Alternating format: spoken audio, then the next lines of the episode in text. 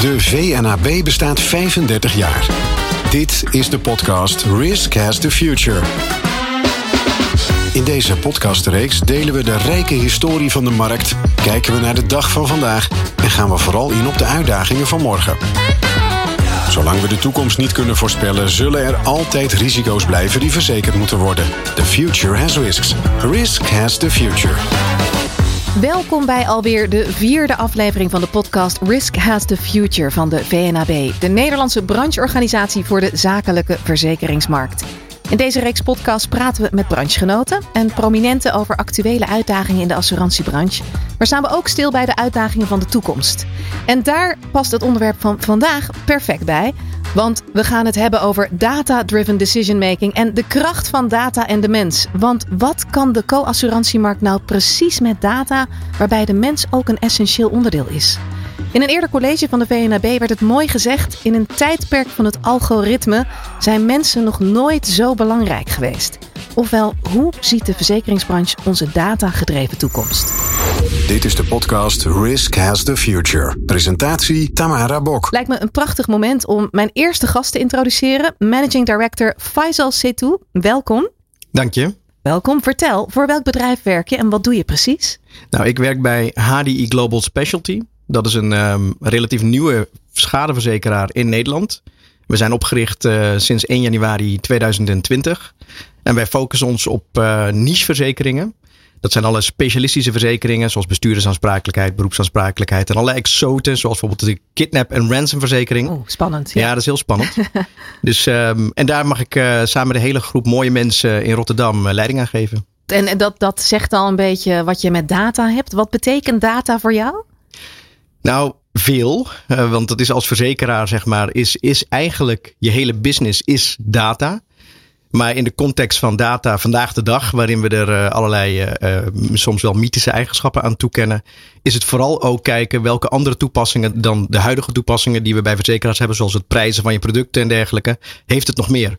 Ja. Um, daar gaan we vandaag, vast vandaag uh, veel over uh, delen. Nou, ik hoor het al. Jij droomt data. Hartstikke goed. Nou, ja. nogmaals, welkom. Uh, ik kijk naast je. Daar zit managing consultant Frank van Kats. Welkom. Alles goed? Zeker. Nou, wat fijn. vertel, voor welk bedrijf werk je en wat doe jij precies? Ik werk voor Mars Advisory. Dat is de consultancy tak van de Mars organisatie.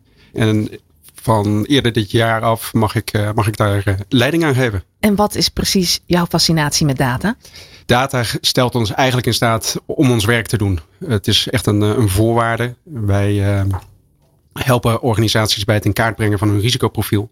En zonder data kunnen we dat gewoon simpelweg niet. Nee, bij jullie draait het heel erg om inzichten. Zeker, zeker. Ja, ja. Dus, um, en helpen onze, onze relaties daarmee op basis van die inzichten gewoon goede beslissingen te kunnen nemen. Ja, ja, en ik begreep wel identificatie en beoordeling tot financiering, beperking van schade en verliesherstel. Dat zijn jullie drie pijlers.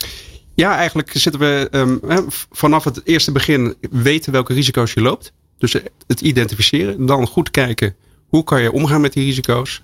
Um, en daar hoort bij het uh, mogelijk beperken van, uh, van de schades. Ja. ja. Ook aangeschoven is uh, Gerrit Schipper. Welkom. Jij bent Executive Director bij het Erasmus Center for Data Analytics en weet dus alles van data. En vooral over hoe je data omzet in zakelijke, maar ook maatschappelijke waarden. Klopt dat? Dat klopt. En dat is ook heel belangrijk. Het Erasmus Center for Data Analytics, ook wel ECDA genoemd, is een interfacultair initiatief van de universiteit. Waar uh, hoogleraren, uh, studenten samen met het bedrijfsleven veel onderzoek doen naar uh, het gebruik van data. Op een zodanige manier dat het de maatschappij ten positieve verandert. En daar hoort ook bij zakelijke, het zakelijk gebruik van data. Ja, nou fantastisch. Meteen ook de eigen data toepasbaar maken dus. Dat klopt. Kijk, het voordeel van data is, dat, dat, en dat heb ik dus met data, data is objectief. Informatie is niet altijd objectief. Ja. Dus het goed gebruiken van data uh, kan ons wezenlijk helpen om, om belangrijke uitdagingen in de maatschappij uh, te, daar, ons daarmee te helpen. Ja, kan, kan je een, een, grote uitdaging noemen die bij jullie op dit moment op de agenda staat hoog? Nou, een grote uitdaging zonder meer is natuurlijk het klimaat. Ja. He, wat, wat hebben we voor objectieve data die ons kunnen helpen om sneller tot oplossingen te komen? Want dit is duidelijk iets wat ons allemaal aangaat. Ja, hartstikke mooi. Ik begreep ook dat jullie een project hebben gedaan met HDI, hè, met de Club van Faisal. Daar gaan we straks ook nog even over hebben. Goed? Leuk. Nou, hartstikke goed. En last but not least verwelkom ik ook de young professional van vandaag. Jij werkt bij HDI, Wouter Duindam. Welkom. Dankjewel. Wat wordt jouw focus van vandaag? Om goed te kijken wat deze heren hebben te zeggen over data. En uh, kritisch uh, te analyseren of dat wel waar is en wat wij er ook zelf mee kunnen doen. Zo, dat is een uh, stevig opgeleide young professional, merk ik al. En wat doe jij op dagbasis bij HDI, Wouter? Nou, mijn functie is business controller en ik ben eigenlijk dagelijks bezig om rapportages te draaien voor het management en voor collega's om inzichten te krijgen hoe wij het doen als bedrijf zijnde. En wij zien toch wel dat er echt heel veel data aanwezig is binnen de verzekeringsmarkt. Maar helaas zien we dat het veelal gefragmenteerd aanwezig is. En is dan onze zaak om heel veel tijd te steken om de data op te schonen. En wat wij ook hebben geleerd in het ECTRA-programma is garbage in is garbage out. Dus de data die wij in het model stoppen om analyses te kunnen maken, moeten 100% correct zijn. Anders krijg je verkeerde analyses en dat gaat ons de kop kosten. En dat is ons probleem en uitdaging uh, voor uh, de komende tijd. Nou, dat klinkt al goed. Faisal, jij noemde hem een data wizard die intern gave toepassingen en datasets aan het realiseren is. Klopt dat? Ja, dat klopt als een bus. Want Wouter is, naast dat hij super kritisch is en dat hoort bij zijn rol als business controller, houdt hij ook ons, ons ook een spiegel voor als verzekeraar met welke data hebben we nou in huis en hoe is die data georganiseerd? En uh, wat hij net al zegt, uh, garbage in is garbage out. Het begint eigenlijk bij data gewoon bij het prille begin. Dat is de invoerkant. Dus wat stop je ja. in een systeem? Dus voordat je over data toepassingen gaat praten, begint het allemaal bij de invoer. En, ja. daar, uh, en daar houdt hij ons heel scherp op. Nou, heel mooi. Dus zo zie je het nut maar weer in van de young professional, hè? Absoluut. Dit is de podcast Risk Has the Future. Laten we maar verder praten over de trends en ontwikkelingen in deze markt. Gerrit, wat zijn die belangrijkste trends en ontwikkelingen die je op dit moment ziet? Je noemde net al focus op het klimaat, maar er is vast meer. Ja, focus op klimaat is het onderwerp hè, wat je met uh, data kunt aanpakken. Maar als je kijkt naar de trends in data, dan is een heel belangrijk is zogenaamd fair data. En fair staat voor findable, accessible, interoperable en uh, reusable. Want het belang van data, en Faisal zei dat net al, garbage in is garbage out. Dus als je uh, niet de juiste data hebt kunnen vinden, ja, dan kun je ook verkeerde resultaten hebben. En een ander aspect is dat je hebt fair data nodig om te kunnen delen. En delen is weer een voorwaarde voor een digitale transformatie. Data delen is van enorm belang om ervoor te zorgen dat we dus allerlei, zowel zakelijke als maatschappelijke problemen op gaan lossen. Dus ik zou zeggen, fair data is een van de meest belangrijke trends die we op dit moment zien. Ja, en daaronder ligt dan ook het woord samenwerken. Kan ik me zo voorstellen. Ja, absoluut. Kijk, data in isolatie, dat is wel leuk en aardig, maar dat kun je ook in een spreadsheet doen. Ja. Juist als je in staat bent om data te delen en data, verschillende datasets bij elkaar te voegen, dan zie je enorm interessante oplossingen voor allerlei problemen. En nogmaals, zowel zakelijk als maatschappelijk. Helaas zien we nog wel eens een gebrek aan de bereidheid om data te delen. Omdat data, het wordt al vaak gezegd, heel, ja, het is het nieuwe goud. Dus waarom zou ik mijn data delen en helemaal niet met mijn concurrent? Ja. Maar toch heeft de praktijk uitgewezen dat ook data delen met concurrenten van belang kan zijn voor zowel het, het goede van je bedrijf als voor de maatschappij. Ja, want het biedt natuurlijk ook gezamenlijk inzicht en dus ook een stukje gezamenlijke vooruitgang als je die goed uh, begeleidt. Begrijp ik dat goed? Ja, dat klopt. Als je het hebt over de data-driven society. Er was een voorbeeld van Philips. Iemand heeft me daar iets over verteld. Ik ben het nu even kwijt. Maar jullie hebben met Philips een, uh, een project gedaan? Nou, dat heeft ook weer te maken met dat uh, data delen. En met name gezondheidsdata. Als je het over fair data hebt, dan is een van de onderwerpen die van belang is. Vaak van wie is die data? Is die data van het ziekenhuis? Is die data van de arts? misschien van de fabrikant van de scanapparatuur of toch van de patiënt? Terwijl als we die data van honderden, duizenden patiënten hebben, dan zijn we in staat om nieuwe ziektes te ontdekken. Dan zijn we in staat om nieuwe geneesmiddelen te ontwikkelen, maar ook bijvoorbeeld bestaande apparatuur te verbeteren. Dus het is een, er is een absolute noodzaak tussen samenwerking tussen medische instellingen en fabrikanten bijvoorbeeld zoals Philips. Ja, maar dat is een goed voorbeeld van hoe een succesvol samenwerkingsproject tot stand kan komen? Ja, en, en daar proberen wij ook bij te helpen. Want het is vaak al moeilijk uh, om data uit te laten wisselen tussen medische instituten. Want die zien het ook als hun eigen data. Laat staan tussen een medisch instituut en een, een privaat bedrijf. Die natuurlijk een winstoogmerk heeft. En dan wordt dan heel vaak de privacygevoeligheid wordt daar gebruikt om niet data te hoeven of te kunnen delen. En dat is niet altijd terecht. Ik geef een voorbeeld. Als uh, iemand aan jouw deur klopt en het, je doet open en er staat een politieagent en die weet alles over jou te vertellen tot en met je bloedgroep enzovoort enzovoort. Dan ben jij uh, toch wel een beetje verbaasd. Maar hoe is het mogelijk dat u dit allemaal weet? Ik wil niet dat u dit weet. Maar ben jij door een auto getroffen en lig je op straat en kun je weinig meer zeggen, dan ben je hartstikke blij als diezelfde politieagent dat wel weet, want dan kan jouw adequate hulp geboden worden. Dus de omstandigheden waar, waaronder data gedeeld zou moeten kunnen worden, is heel belangrijk. Ja, dus dat is ook het causale verband. Faisal, jullie hebben met HDI uh, eh, natuurlijk ook een hele hoop uh, te maken met de, de verzekeraars. Wat is dan logischerwijs essentieel voor onze branchegenoten? Wat essentieel is voor onze branchegenoten op het gebied van data. Nou, wat we mm, voor mij al een paar keer benoemen hier, is, uh, is gewoon het prille begin. Dus voordat je überhaupt over toepassingen gaat praten, en voordat je aan de slag gaat met allerlei uh, sexy, nieuwe, innovatieve ideeën, is het vaak even in de spiegel kijken. En dat is heel confronterend. En gewoon kijken, hoe gaat het eigenlijk met mijn bedrijf? Heb ik de boel op orde? Is die invoerkant, is die statisch strak? En dat vereist, dat is minder leuk uh, vaak, maar het vereist wel discipline. En de meeste bedrijven en de meeste branchegenoten, want we komen allemaal uit een soort vanzelfde legacy tijdperk met z'n allen. We hebben allemaal met hetzelfde uh, beltje te hakken, zeg maar. Ja. Dus moeten we met z'n allen de focus hebben op het begin. Laten we met z'n allen eerst eens kijken, hoe schoon je de boel goed op? Hoe heb je je datastroom en je processen op orde? En ga dan investeren in kennis over data toepassingen en ga dan daarna daarmee aan de slag. Als je te snel vooruitschuift en aan, aan de slag gaat met, uh, laten we zeggen, met pricing, dan kan het best zijn dat je op basis van verkeerde assumpties uh, je modellen gaat inrichten. En dat kan desastreuze gevolgen hebben. Ja, dat is wel echt heel, heel specifiek op het bedrijfsleven ook gericht. Want, want Frank, wat doen jullie met die data-inzichten voor de klant? Wij gebruiken uiteindelijk de data-inzichten om de klant te adviseren hoe men binnen het risicofinancieringsprogramma tot de laagste kosten kan komen. Um, en dat is aan de ene kant um, welk deel van het risicoprofiel wens je zelf te dragen als organisatie? Welk deel um, is efficiënt om over te dragen naar verzekeraars? En eigenlijk aan de, de dat noemen we de bovenkant van het programma, zeg maar. op welk niveau is het dan ook weer interessant om dat dan zelf te gaan dragen als organisatie? Dus echt kijken hoe je dat kan optimaliseren. En wij gebruiken data om het risicoprofiel van onze relaties eh, in te schatten. En daarvoor gebruiken we bijvoorbeeld schadedata die wij wereldwijd verzamelen. En ik ben het helemaal eens met mijn, uh, met mijn medesprekers. Het is heel belangrijk om die data goed op te schonen. Kijken waar die data vandaan komt. Um, de juiste bijvoorbeeld sectoren aan schadedata te kunnen koppelen.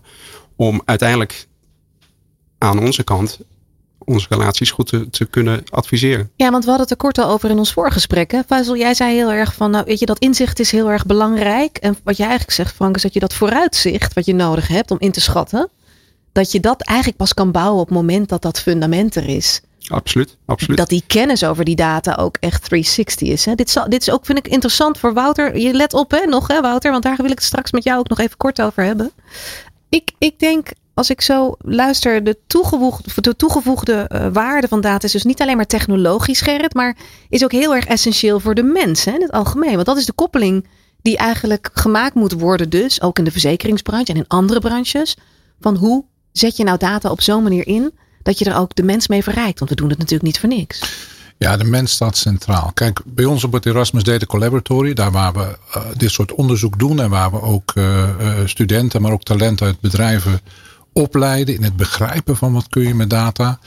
Daar staat ook een quote en, en daar staat dat de uh, societal impact of data is probably more important, important than the uh, impact of data on technology. Hmm. Want technologie, dat begrijpt iedereen wel. Hè? We hebben het over machine learning, we hebben het over AI, we hebben het over uh, big data. Maar de impact op de maatschappij zal enorm zijn. Dat zal ons allemaal raken. En we zijn nu eigenlijk nog maar bezig in het digitaliseringstijdperk. We hebben al heel veel hebben we digitaal gemaakt. En nu gaan we de processen digitaliseren. Maar de volgende fase is de hele digitale transformatie. Dus hoe zal dit doorwerken in ons leven? En daar zien we allerlei verkeerde voorbeelden van. Denk even aan de toeslagenaffaire. En dat zet meteen dan weer iedereen van ja, maar moeten we dit wel willen?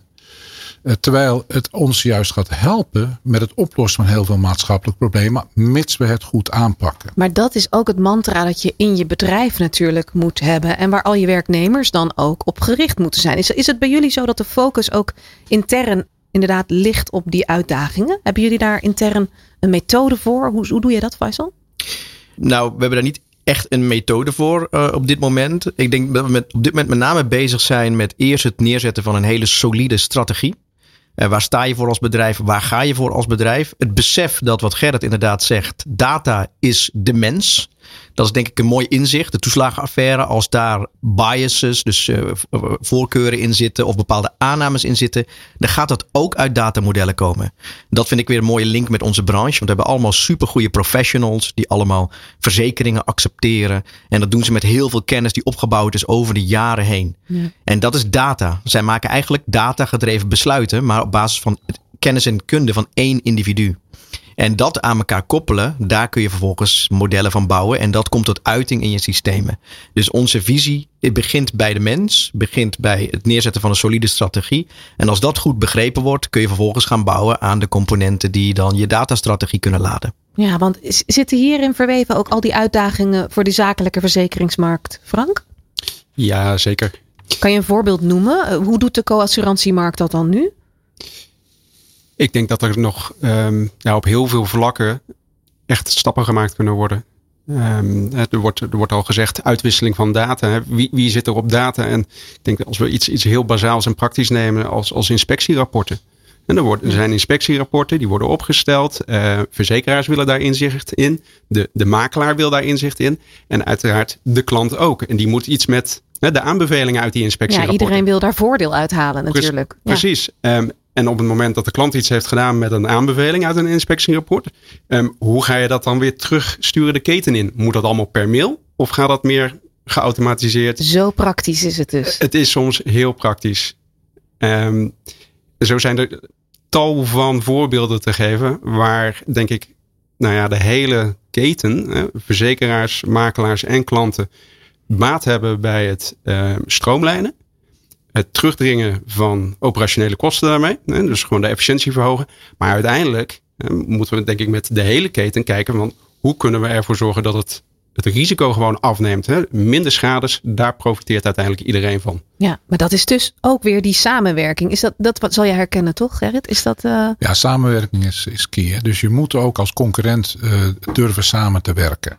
Er is zoveel data waar, uh, waar je niet van weet, die wel beschikbaar is. Hè? En we hebben straks al gezegd, waar kun je die data vinden? Dus we proberen mensen ook in, in onze programma's mee te geven. En dat is ook iets wat we met HDI in dat programma hebben gedaan. Dat het vinden van data uh, is bijna net zo belangrijk, het vinden van de juiste data, als het opschonen van je eigen data. Ja. Want als je alleen je eigen data gebruikt, als hetzelfde voorbeeld dat Faisal net uh, gebruikte, dan gebruik je dus alleen je eigen kennis. En de kennis van uh, meerdere mensen, in dit geval van meer datasets, brengt je tot betere resultaten. Ja, collectief data verzamelen. Het woord zegt het al, hè? collectief. Dat doe je samen.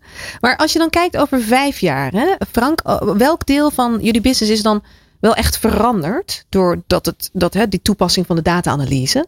Is er binnen voor die klant, eh, voor die verzekeraar, is er echt iets veranderd? Of misschien moet ik het Faisal ook vragen, maar wat, wat denk jij? Ik denk dat over vijf jaar zijn we veel efficiënter geworden in het, in het uh, neerzetten van het risicoprofiel van, uh, van organisaties. Um, om een voorbeeld te geven, en aansluitend bijvoorbeeld bij, bij klimaat. Hè, als we kijken naar, naar storm en overstroming, daar zijn modellen voor. Dat kan je allemaal laden met data om, om te kijken van nou, hè, wat is mijn exposure als klant. Um, we weten dat bijvoorbeeld de hoogte van gebouwen is een driver bij stormschade bijvoorbeeld. Maar dat is geen data die snel voorhanden is. Nee. Wat we op dit moment wel al kunnen, is op basis van AI, satellietbeelden, de hoogte van gebouwen laten inschatten en dat meenemen in de modellen, zodat die betere resultaten alweer geven. Ja. Um, nogmaals, dat gaat makkelijker, dat gaat sneller.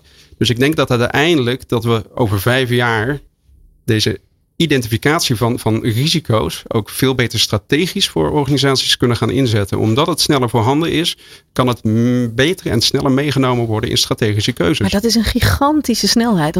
Over vijf jaar, dat is echt binnen no time. Dus die, die ontwikkelingen binnen deze business, Gerrit, die gaan gigantisch snel. Jullie werken dan ook veel samen met het bedrijfsleven. Jullie hebben ook Faisal, jullie hebben samen een project gedaan met HDI. Wat heeft de samenwerking met, uh, met Gerrit jullie opgeleverd? Ja, de, de, uh, dus als HDI Global Specialty zijn we met, uh, met ECDA, met het Erasmus Center for Data and Analytics, zijn we, hebben we de handen ineen geslagen. Gerrit en ik kennen elkaar nog vanuit de eerdere projecten op het gebied van data. En waar ik bij de oprichting van HDI Global Specialty enorme kansen zag, was om het data vocabulaire te introduceren.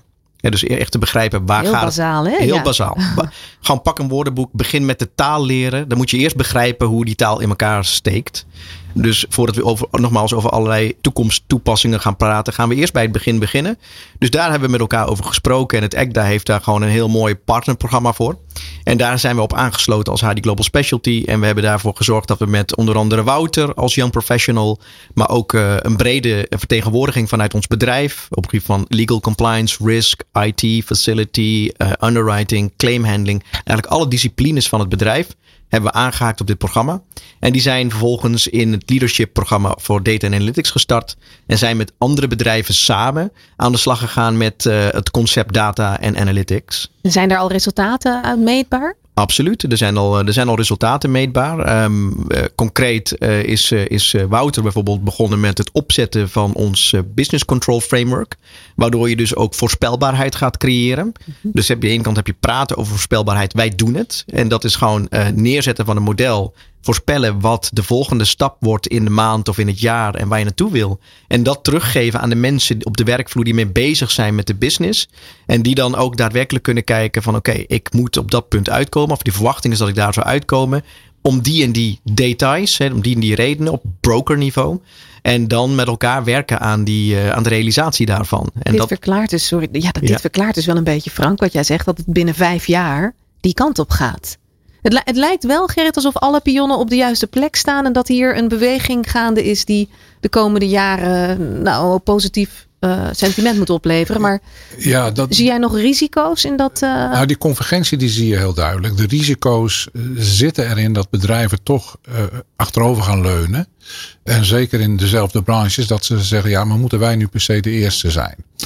Terwijl er hele. Kijk, we hebben, ik heb genoemd de trend fair data, maar daar zit nog iets anders achter. Dat is zogenaamde de digital twin. Frank gaf een mooi voorbeeld, hè, de hoogte van gebouwen. Weet dat we met verschillende steden bezig zijn om een digital twin van zo'n stad te bouwen. En dan doen we op basis van fair data. En dat betekent dat dus je met de druk op de knop de hoogte van alle gebouwen in die stad kunt weten. Zo zijn we met de verschillende medische centra bezig om digital twins te bouwen van personen. Dat is dus anoniem, maar daardoor krijg je wel heel veel data over zo'n persoon. En dat is wat aan de gang is en wat heel snel gaat. En natuurlijk zitten daar risico's in. En natuurlijk zijn er heel veel mensen die hebben het dan meteen over ja, privacy en data en van wie is die data. Maar je kunt niet innoveren als je niet bereid bent om ook enig risico te nemen. Ja, dit, dit is het woord risico, je zegt het al. Kan je dan vanuit dat standpunt ook voorstellen dat je eh, een, een samenwerking zou hebben met de co-assurantiewereld in zijn geheel? Hè? Want die hele branche, die lijkt mij dan als leek erg uitdagend voor jullie. Waarom denk ik dat? Klopt dat? Nee, dat klopt. Ik bedoel, eh Faisal en ik hebben een verleden in, eh, in de data. Omdat al eerder vanuit het eh, verbond destijds ook een team naar die Leadership Challenge gestuurd is. En daar is onder andere het Data Competence Center van het verbond uit ontstaan. Maar ook binnen de VNB, die heeft heel veel leden. En die leden op zich hebben misschien best wel moeite om ieder individueel zich aan te sluiten bij de universiteit. Vaak ook door misschien gebrek aan mankracht, zeker als we het over de wat kleinere leden hebben. En middels de VNAB zou je collectief met, eh, met ons, zoals Faisal gedaan heeft, eh, kunnen onderzoeken wat van belang is voor de hele branche. En dan kunnen de leden die daar verder in willen gaan, kunnen dan ook weer individuele stappen. Want het, het blijft wel maatwerk, zeker in het begin. Want iedereen is even zoekende. Niet iedereen is op hetzelfde niveau als ze starten. Ja, Frank, zie jij kans voor de branche? Als ik dit zo behoor, dan. Ja, zeker. Ik denk dat het sowieso goed is om te ontkennen dat er partijen zijn die al heel ver zijn in, in, in dat eh, gedachtegoed. En samenwerking daarin biedt juist dan inderdaad mogelijkheden om veel sneller en in die vijf jaar eh, de stappen te kunnen gaan zetten die we willen gaan zetten met elkaar, denk ik. Dus Ik denk dat het juist ook nogmaals heel goed is om, om je te laten begeleiden door een, door een externe hierin. En, en af en toe weer eens even getriggerd te worden van goh, een proces, waarom doen we dat zo op deze manier? En kan dat niet handiger, kan dat niet slimmer? Eh, hebben we vergelijkbare voorbeelden uit wellicht een hele andere branche? Maar Ja. kunnen we dat dan toepassen op de processen die wij zelf doen? Het klinkt wel heel natuurlijk als een PNAB-instelling, zeg maar, wat jij nu schetst. Want Faisal, hoe ziet zo'n samenwerking er dan uit? Want jij kan hier invulling aan geven. Ja, zeker. Als ik, eh, als ik daarbij eh, zo vrij mag zijn om even beet te pakken de vraag van eh, vijf jaar. Mhm. Ehm, we hebben als branche de luxe dat we mm, ook in de toekomst kunnen kijken. En dat is namelijk door te kijken naar je retail branchegenoten. De grote verzekeraars die met de particuliere klant aan de slag zijn. Die hebben namelijk een veel urgentere situatie om om te gaan met data.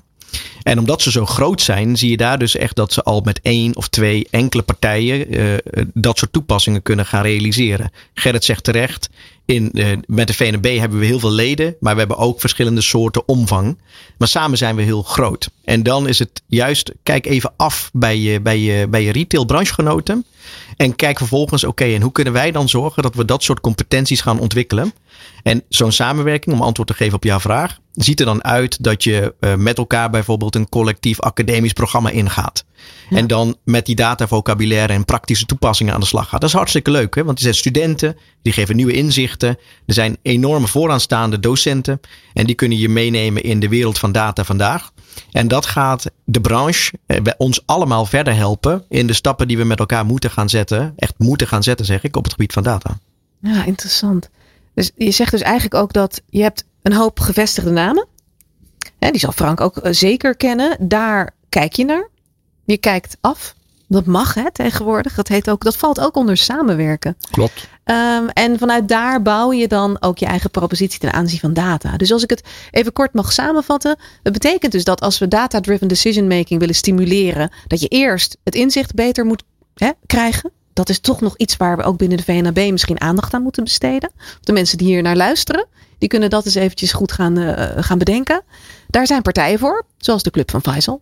Wouter gaat ons zo nog even uitleggen wat de young professionals daaraan toevoegen. Want dat is natuurlijk de generatie die zich ook hier dadelijk op dagbasis mee moet gaan, eh, gaan bezighouden. En dan denk ik bijvoorbeeld ook aan start-ups, Gerrit. Want dat zijn clubs, kleine clubs vaak, die dus uiteindelijk ofwel aan de slag gaan met, hey, dat hebben we gezien bij een gevestigde naam, of juist zelf de innovatie opzoeken. Ja, heel vaak gaan ze zelf de innovatie opzoeken. Het is niet verwonderend dat, eh, verwonderlijk dat eh, veel start-ups worden opgericht door mensen die uit een bepaalde branche komen en daar hebben gezien hoe het niet moet. Ehm, ik, ik kan als voorbeeld eh, Superscript noemen, ontstaan uit eh, eh, Digital Risk. Nu ook sinds kort in Rotterdam, zit met hoofdkantoor in Londen. Mede opgericht door een, een, een zeer innovatieve dame die, als ik me niet vergis, bij een grote verzekeraar vandaan komt. Die, hebben dus gezien van, hey, dit gaat niet goed, wij moeten iets nieuws verzinnen. En die komen met nieuwe methoden. En dat is ook precies een reden waarom we in ons ecosysteem niet alleen maar de gevestigde namen hebben bij het ECDA, maar juist ook heel veel start-ups. We hebben zelfs op de campus hebben we eh, Erasmus Enterprise, waar we ook jongeren de kans geven om een eigen bedrijf te starten. Dus die samenwerking juist tussen de gevestigde bedrijven en die start-ups, die is heel boeiend. Die kunnen heel veel van elkaar leren. Ja, want Frank, eh, wat kunnen organisaties zoals die van jullie dan hiervan leren, van deze start-ups? durven om te doen. Ehm, echt beginnen met, met die transitie te maken. Ehm mij is eigenlijk ook altijd voorgehouden. er Zo'n grote transitie, wat, wat eh, de hele datatransitie ehm, is. Dat gaat je niet in één keer lukken. Dat gaat je ook niet in één keer goed lukken. Maar door stappen te zetten, door te gaan doen. Kom je verder en kom je tot nieuwe inzichten. En dan kan je dat proces ook verder gaan bijsturen. Dus En dat is grappig, daar ligt dan weer de emotie een beetje angst onder, hoor ik dan. Denk je, ja, dus, dus je moet niet angstig zijn of niet een excuus vinden om er niet aan te beginnen? Of stel ik het dan te hard? ik denk dat de, zeg maar de gevestigde orde ehm, is, hè, voelt zich prettig bij hoe het loopt. Ehm, maar je moet juist durven om naar die, naar die toekomst te kijken. Ja. En hoe we het met elkaar anders willen gaan doen. Nou, dit is ook natuurlijk wat de verzekeringsbranche verbindt met alle andere branches die natuurlijk allemaal de komende vijf jaar naar de toekomst moeten kijken. Ik vind het een mooi moment om even Wouter erbij te halen. Wat vinden jullie? Lijkt me prima. Prima plan. Gaan we doen, Wouter. Hoe verzekeren we de toekomst van de volgende generatie in de co-assurantiemarkt? Welke vragen hebben zij over de zakelijke verzekeringsmarkt? Risk has the future. The future of risk. Wouter, onze junior business controller. Wat is er nog onbesproken gebleven? Je hebt meegeluisterd. Nee, ik wil eigenlijk aanhaken op het verhaal van Frank over dat eh, verandering heel vaak als angst wordt gezien. En ik denk dat dat belangrijk is om dat als bedrijf zijnde, om dat uit te schakelen. En ik weet dat dat moeilijk is omdat je al jarenlang hetzelfde beleid voert en je succesvol bent omdat je nog steeds in de markt bestaat. Maar we zien ook dat bedrijven die niet snel genoeg veranderen, dat die uiteindelijk als gevestigde naam alsnog uit de markt gewerkt kunnen worden. Door zichzelf, door anderen, omdat zij toch net even wat meer risico hebben genomen, wat meer geld hebben uitgegeven. En in dit geval is dat data. Ik denk dat dat voor als, als jong bedrijf, die dur- durven daar eerder aan te gaan, omdat zij weten dat het succesvol kan zijn. En de, origin- de oorspronkelijke bedrijven zullen dat minder snel doen. En ik denk dat dat belangrijk is. En wij als HGS zijnde focus, focussen ons daar volledig op. Want, want eventjes, dit is jouw indruk. Je zit al een tijdje in deze stof. Je bent al een tijdje werkzaam. Wat was jouw eerste indruk van het gebruik van data binnen de zakelijke verzekeringsmarkt? Nou, dat er heel veel data aanwezig is, maar dat de data veelal niet klopt. En je bent zo lang bezig om die data op te schonen. En dat is echt een hekelpunt. Alleen als we de tijd krijgen om die data op te schonen, dan pas zien we de resultaten. En dat merken we nu. En wij zijn met het ECTA begonnen en we hebben ook tijd vrijgemaakt, omdat het ook vanaf bovenop opgelegd wordt. En je ziet nu dat de resultaten komen. En we hebben een datamodel kunnen ontwikkelen waarbij we daadwerkelijk naar onze medewerkers kunnen gaan en zeggen: wij denken dat hier problemen liggen of minder goed lopende business. Het vereist meer maatwerk, het vereist meer analyses. En als we dat samen kunnen oppakken, dan zullen wij als verzekeraar eh, gezond blijven, zullen wij innovatief blijven. En zo uiteindelijk eh, hebben wij een voordeel in de markt.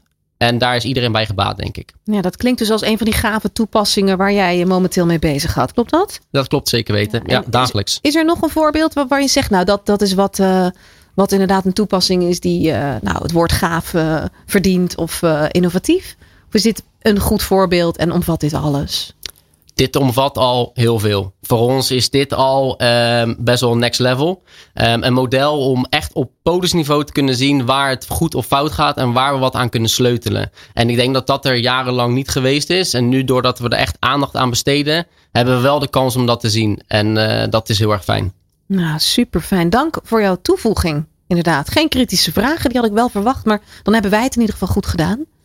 Wie weet komen ze nog. Veel succes hè, met alles. Dankjewel. We hebben het gehad over allerlei handvatten waarmee je kunt versnellen op het gebied van datatoepassingen. Faisal, is er nog iets wat jij nog zou kunnen delen met eh, de luisteraar? Wij zijn natuurlijk vanuit het verzekeringsperspectief vooral aan het eh, kijken. Is er nog iets wat je wil melden? Eh, Nou, we hebben gelukkig al heel veel geraakt. En misschien nog één eh, ja, laatste, laatste ding als het om, eh, om, om data gaat. Wat ik altijd als eh, geheugensteuntje meegeef aan ehm, mijn co- collega's, aan mensen binnen ons bedrijf. Maar ook gewoon met, met heel veel liefde aan iedere luisteraar. Is dat als het om data gaat en je zoekt naar kapstok van oké, hoe pas ik dit nou toe binnen een verzekeraar? Want we zijn tenslotte toch als VNB-leden hiermee bezig. Dan zeg ik altijd, eh, pak even oude modellen die je ooit op school geleerd hebt, geleerd hebt eh, van, eh, van de marketing. Het zogenaamde 4P-model, oftewel het 5P-model zoals ik het zelf noem.